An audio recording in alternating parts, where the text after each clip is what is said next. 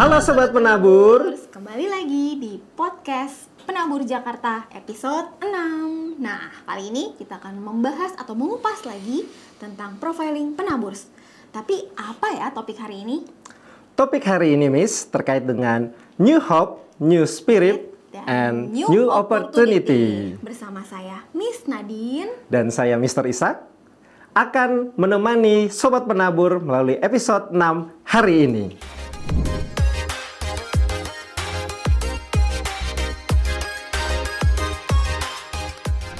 Nah, Miss, hari ini telah hadir bersama kita narasumber yang tentu akan menjelaskan terkait dengan topik kita hari ini. Hmm, oke Tapi sebelum menjelaskan nih, Miss, Mhm. ingat nggak terkait dengan pepatah tak kenal maka Tak kenapa-kenapa kok Enggak tak kenapa-kenapa ya? Tak kenal maka tak sayang.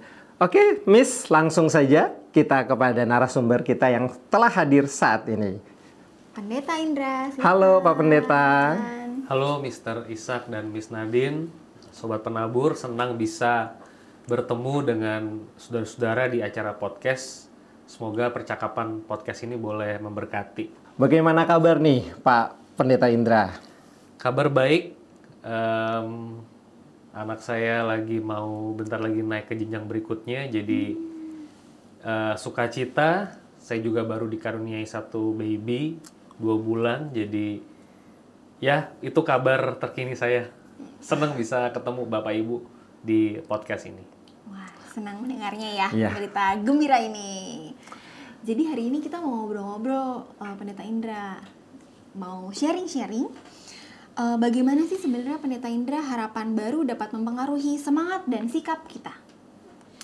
Ya, pertanyaan ini eh, harapan baru ya, New Hope itu saya jadi ingat satu ayat yang buat saya menarik itu adalah di Yesaya 42 ayat 10 sampai 12.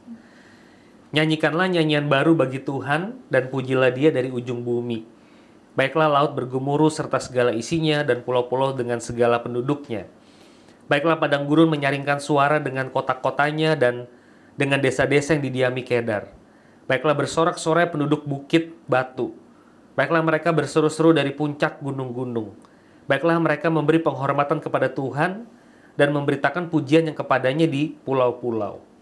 Nah, eh, sobat penabur, yang menarik buat saya adalah nyanyikanlah nyanyian baru, gitu. Eh, bukan nyanyikanlah nyanyian lama ya. Jadi kita tuh diminta, diundang sama Tuhan eh, melalui Nabi Yesaya untuk menyanyikan nyanyian baru, jangan yang lama gitu. Saya pikir-pikir maksudnya apa ya? Saya melihat D.A. Carson, seorang ahli biblika, dia memberikan satu penjelasan. Dia mengatakan bahwa orang Kristen itu sering kali mengulang-ulang pengalaman spiritualnya yang 10-20 tahun yang lampau. Ya. Diulang terus bagaimana Tuhan bekerja di, di hidup dia 10-20 tahun lampau. Ya, di satu sisi sih nggak apa-apa juga dia bilang. Tapi kalau kita hanya mengulang peristiwa di masa lampau seolah-olah Allah tidak bekerja di masa kini. Dan itu menunjukkan kedangkalan spiritual, eh, kata dia ya. Jadi eh, saya coba untuk mengkoneksikan perintah itu dan eh, D.A. Carson, saya merasa Tuhan kan nggak bekerja di hidup saudara, eh, di hidup kita 10-20 tahun yang lampau saja. Tapi dia juga bekerja hari ini. Jadi kita harus memiliki kepekaan dengan kebaikan Tuhan supaya kita bisa menyanyikan nyanyian baru gitu. Ya, eh, saya nggak tahu kalau di persekutuan gereja kita kadang-kadang mungkin suka eh, siapa yang mau kesaksian gitu kan? Itu jadi momen yang sepi gitu kan. Terus mungkin ceritanya begitu-begitu aja gitu. Nah jadi eh, kita perlu memikirkan kebaikan Tuhan yang sangat real di hidup kita hari ini pasti ada. Nah masalahnya kita punya kepekaan itu enggak. Ya, jadi nyanyikanlah nyanyian baru bagi Tuhan itu memberikan pengharapan baru buat kita. Saya sih ngelihatnya begitu. Mr. Ishak, Miss Nadine. Sangat menarik ya, Mas Nadine. Dan tentu eh, cukup dan pasti sangat jelas ya buat sobat penabur untuk penjelasan yang sudah disampaikan oleh Pendeta Indra. Saya tertarik sih ya Pak Pendeta terkait dengan istilah nyanyikanlah nyanyian baru.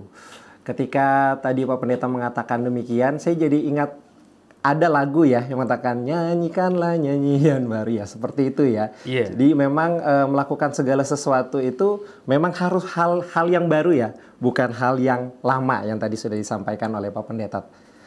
Oke Pak Pendeta, e, dengan penjelasan tersebut e, saya juga ingin Pak Pendeta menjelaskan terkait dengan mengapa penting untuk memandang peluang baru sebagai suatu yang positif dalam tentunya dalam kehidupan kita saat ini.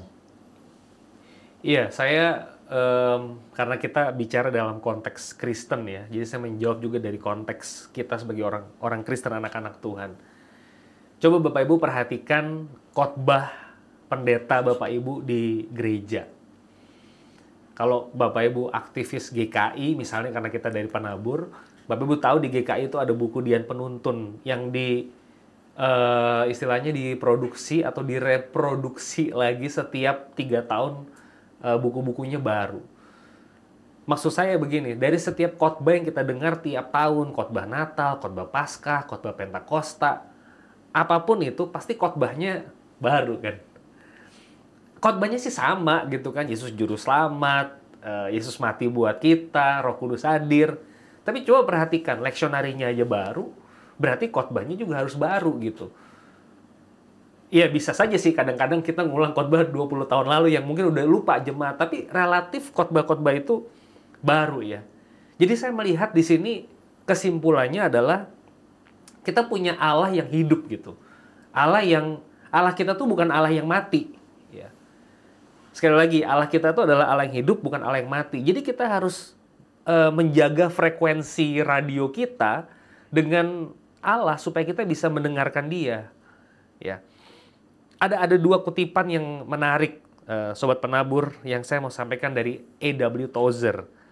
Nah, A.W. Eh, Tozer bilang begini, ada dua kalimat. Yang pertama, musuh yang paling berbahaya dari gereja Yesus Kristus adalah rutinitas yang diktator ketika rutinitas menjadi Tuhan dalam kehidupan gereja. Jadi rutin aja program gereja ya kita tahu lah copy paste atau mungkin program penabur copy paste ya. Terus yang kedua, uh, Awe Tozer ngomong begini, umat Tuhan harus bertumbuh selama ada pertumbuhan maka gereja tidak akan bisa diprediksi. Jadi uh, podcast yang hadir di penabur tahun 2023 ini saya yakin nggak ada di jangan-jangan saya salah, tapi mudah-mudahan saya benar. Saya yakin tidak ada di benak pengurus mungkin di tahun 2020 gitu. Oh nanti 2000, uh, eh, sorry di tahun 2000 maksud saya. Nanti 20 tahun lagi kita begini-begini, kita nggak tahu gitu. Kita ngikutin perkembangan zaman, teknologi semakin berkembang, gereja dan sekolah Kristen yang berrelasi dengan the living God itu juga sebetulnya sangat dinamis. Ya, um, jadi kalau Bapak Ibu dan saya punya, saya mau tekankan relasi yang baik dengan Tuhan, kita pasti akan terus-menerus memandang peluang baru gitu. Ada gitu, semangat. Jadi kita juga nggak nggak lesu, kita nggak repetitif mengulangi konten yang udah ada, yang mau dibicarakan udah ketebak. Bayangin khotbah yang udah ketebak, pasti jemaatnya nggak mau dengerin. Tapi kalau khotbah itu kok bisa ke situ ya?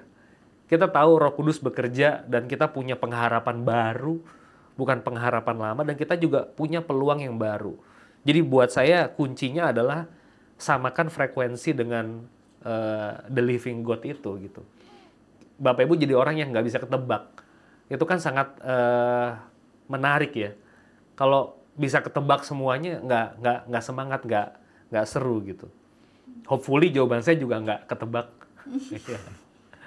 Mungkin itu yang saya bisa refleksikan dari pertanyaan ini menjaga frekuensi berarti ya kuncinya menjaga frekuensi dengan uh, Tuhan ya nah itu kan yang positif positif ya pendeta Indra tapi dalam hidup ini kita masih kalau istilah anak zaman sekarang suka overthinking hmm. atau kalau istilah-istilah yang sering beredar pusing, pusing besti gitu, gitu.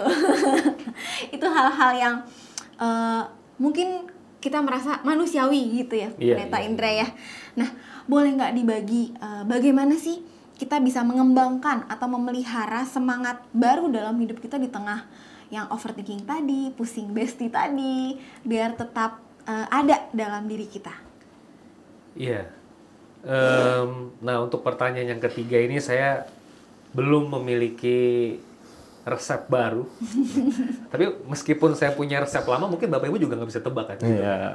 Jadi saya pikir kalau kita mau uh, menghindari overthinking, kita mau memelihara semangat baru, sebenarnya menurut saya cuma ada satu cara gitu.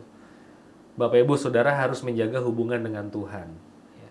Saya nggak punya resep lain kecuali Bapak Ibu harus saat teduh, Bapak Ibu harus berdoa. Di Prapaskah kemarin kita punya tradisi sebenarnya orang Kristen berpuasa, ya nggak harus ketat sampai nggak makan tapi bisa uh, bapak ibu nggak makan daging misalnya atau makanan tertentu. Jadi buat saya saat uh, bukan hanya NKRI yang harga mati tapi saat teduh itu harga mati buat saya ya. Saya mendeta Mr. Ishak uh, Miss Nadine. Saya orang yang paling bisa memanipulasi saat teduh saya. Saya setiap hari bayangin saya persiapan podcast aja pakai Alkitab gitu kan. Ya. saya bisa aja ngomong sama Tuhan Tuhan saya udah saat teduh kok gitu. Tapi saya pribadi jemaat saya tahu banget. Saya tidak pernah me, apa namanya meng, mengkompromikan hal itu. Saat teduh saat teduh persiapan persiapan. Saya nggak bisa nggak bisa saya campur. Kalau saya mix saya akan kehilangan power dalam pelayanan saya. Ya kalau boleh saya uh, curhat sedikit barangkali. Jadi buat saya um, kayak tadi pagi ya saya cerita aja tadi pagi saya saat teduh sebelum saya ke sini uh, masalah-masalah di dalam rumah tangga itu pelik gitu ya. Tapi apakah tidak ada solusinya? Sebetulnya Alkitab memberitahu bagaimana berumah tangga. Cuma masalahnya kita nggak pernah baca Alkitab gitu. Kita nggak ada lemah lembut, nggak ada sabar. Kayak kalau dikasih tahu, eh lemah lembut, ih bagus banget ya lemah lembut ya. Udah ada padahal sebenarnya. Jadi kita nggak membaca Alkitab dengan seksama, kita nggak memperhatikan firman Tuhan. Otomatis ya rumah tangga kita berantakan, kita auto overthinking gitu kan. Jadi itu kayak kehidupan yang terpisah dari firman itu mengakibatkan uh, keberantakan menurut saya. Jadi ya itu tadi sih saya nggak punya pilihan lain kecuali anda kembali kepada firman berdoa. Coba deh, eh, Mr. Ishak, Miss Nadine, kita diem. Anda dengar apa? AC kan? Iya. Ada nggak suara? Oh, iya iya iya. Ngerti maksud saya? Di ruangan sini ya. Benar benar. Oke oke oke. Nah maksud saya gitu, uh, sobat penabur, kalau anda diem sebentar, mungkin anda mendengar satu noise misalnya ya dari laptop, oh, yang noise itu sebenarnya ketutup gara-gara anda ngomong terus gitu. Terlalu sibuk kita. Ya, jadi kita overthinking, kita nggak punya harapan baru, hidup bosen. Ya karena kita terlalu busy ya. Tadi pagi sekali jam 6 saya uh, bangun saya setel YouTube saya dengerin Tim Keller. Uh, intinya gini Tim Keller kan kena udah udah meninggal ya dia kena kanker pankreas. Dia cerita di dalam podcast itu bahwa dia tidak akan uh, mengubah pola pola doanya ke dulu sebelum dia kena kanker. Lu kenapa? Ternyata dia dia pribadi bilang di umur 70 tahun dia lebih banyak berdoa setelah dia difonis cancer. Terus si si uh, apa apa namanya hostnya bilang lo bapak kan dulu kan sibuk banget. Iya kita saya sibuk banget tapi uh, harusnya saya juga nggak nggak sesibuk itu gitu. Ya mungkin kita terlalu busy ya. Jadi kita perlu sedikit menurunkan uh, ritme hidup kita ikuti ritmenya Allah. Uh, waduh bapak ibu akan semangat bapak ibu memperhatikan sabat. Itu jauh lebih produktif daripada bapak ibu tidak memperhatikan uh, disiplin rohani. Ya mungkin itu kali Wah, oke, okay, Miss Nadine, luar biasa ya penjelasan yang tadi disampaikan oleh Pendeta Indra. Menarik ya kata NKRI harga mati. Dan saat teduh harga, harga mati. mati. Ya, khususnya kita orang, orang Kristen. Nah, sobat penabur, Pendeta Indra sudah menjelaskan ya terkait dengan topik kita hari ini dan tentu saya yakin sobat penabur pun sudah tercerahkan dengan penjelasan-penjelasan yang disampaikan oleh Pendeta Indra. Tetapi alangkah lebih baiknya dan lebih lengkapnya lagi kita mendengarkan closing statement yang disampaikan oleh Pendeta Indra. Silakan Pendeta Indra. Ya, saya jadi kepikir uh, sobat penabur mungkin tahu ya istilah disiplin. Di dalam bahasa Inggrisnya tuh discipline gitu ya. Dan bentuk lain dari disiplin itu adalah disciple disciple gitu ya. Jadi buat saya kalau kita benar-benar anak Tuhan, kita orang Kristen, harusnya kita jadi orang yang disiplin.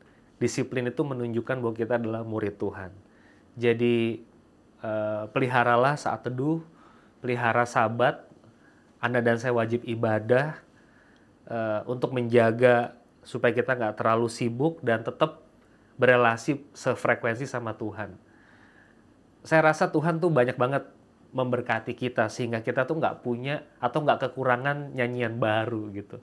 Cuma kita aja nggak peka, jadi kita mengulangi nyanyian lama yang orang udah tau lah lagu lu lagu lama gitu kan. Jadi bosen. Tapi kalau kita menjaga itu, saya pikir uh, kita disciple, kita disiplin, wah kita jadi orang yang nggak bisa ditebak, nggak bisa diprediksi, dan orang menantikan nih orang mau ngomong apa sih berikutnya, gitu ya. Jadi semangat terus, antusiasme yang saya sudah katakan yang lalu, antusiasme kita tuh bukan dibangun di atas dasar konfidensi diri, tapi sebenarnya antusiasme kita tuh dibangun di atas ya hubungan dengan Tuhan. Jadi antusiasme kita nggak akan jatuh pada kesombongan, melainkan pada uh, kerendahan hati yang sejati. Ya, mungkin itu. Terima kasih Pendeta Indra sudah hadir di podcast episode 6 kali ini. Terima kasih juga untuk Sobat Penabur. Kita kembali lagi di podcast berikutnya. Dadah. Dadah. Bye.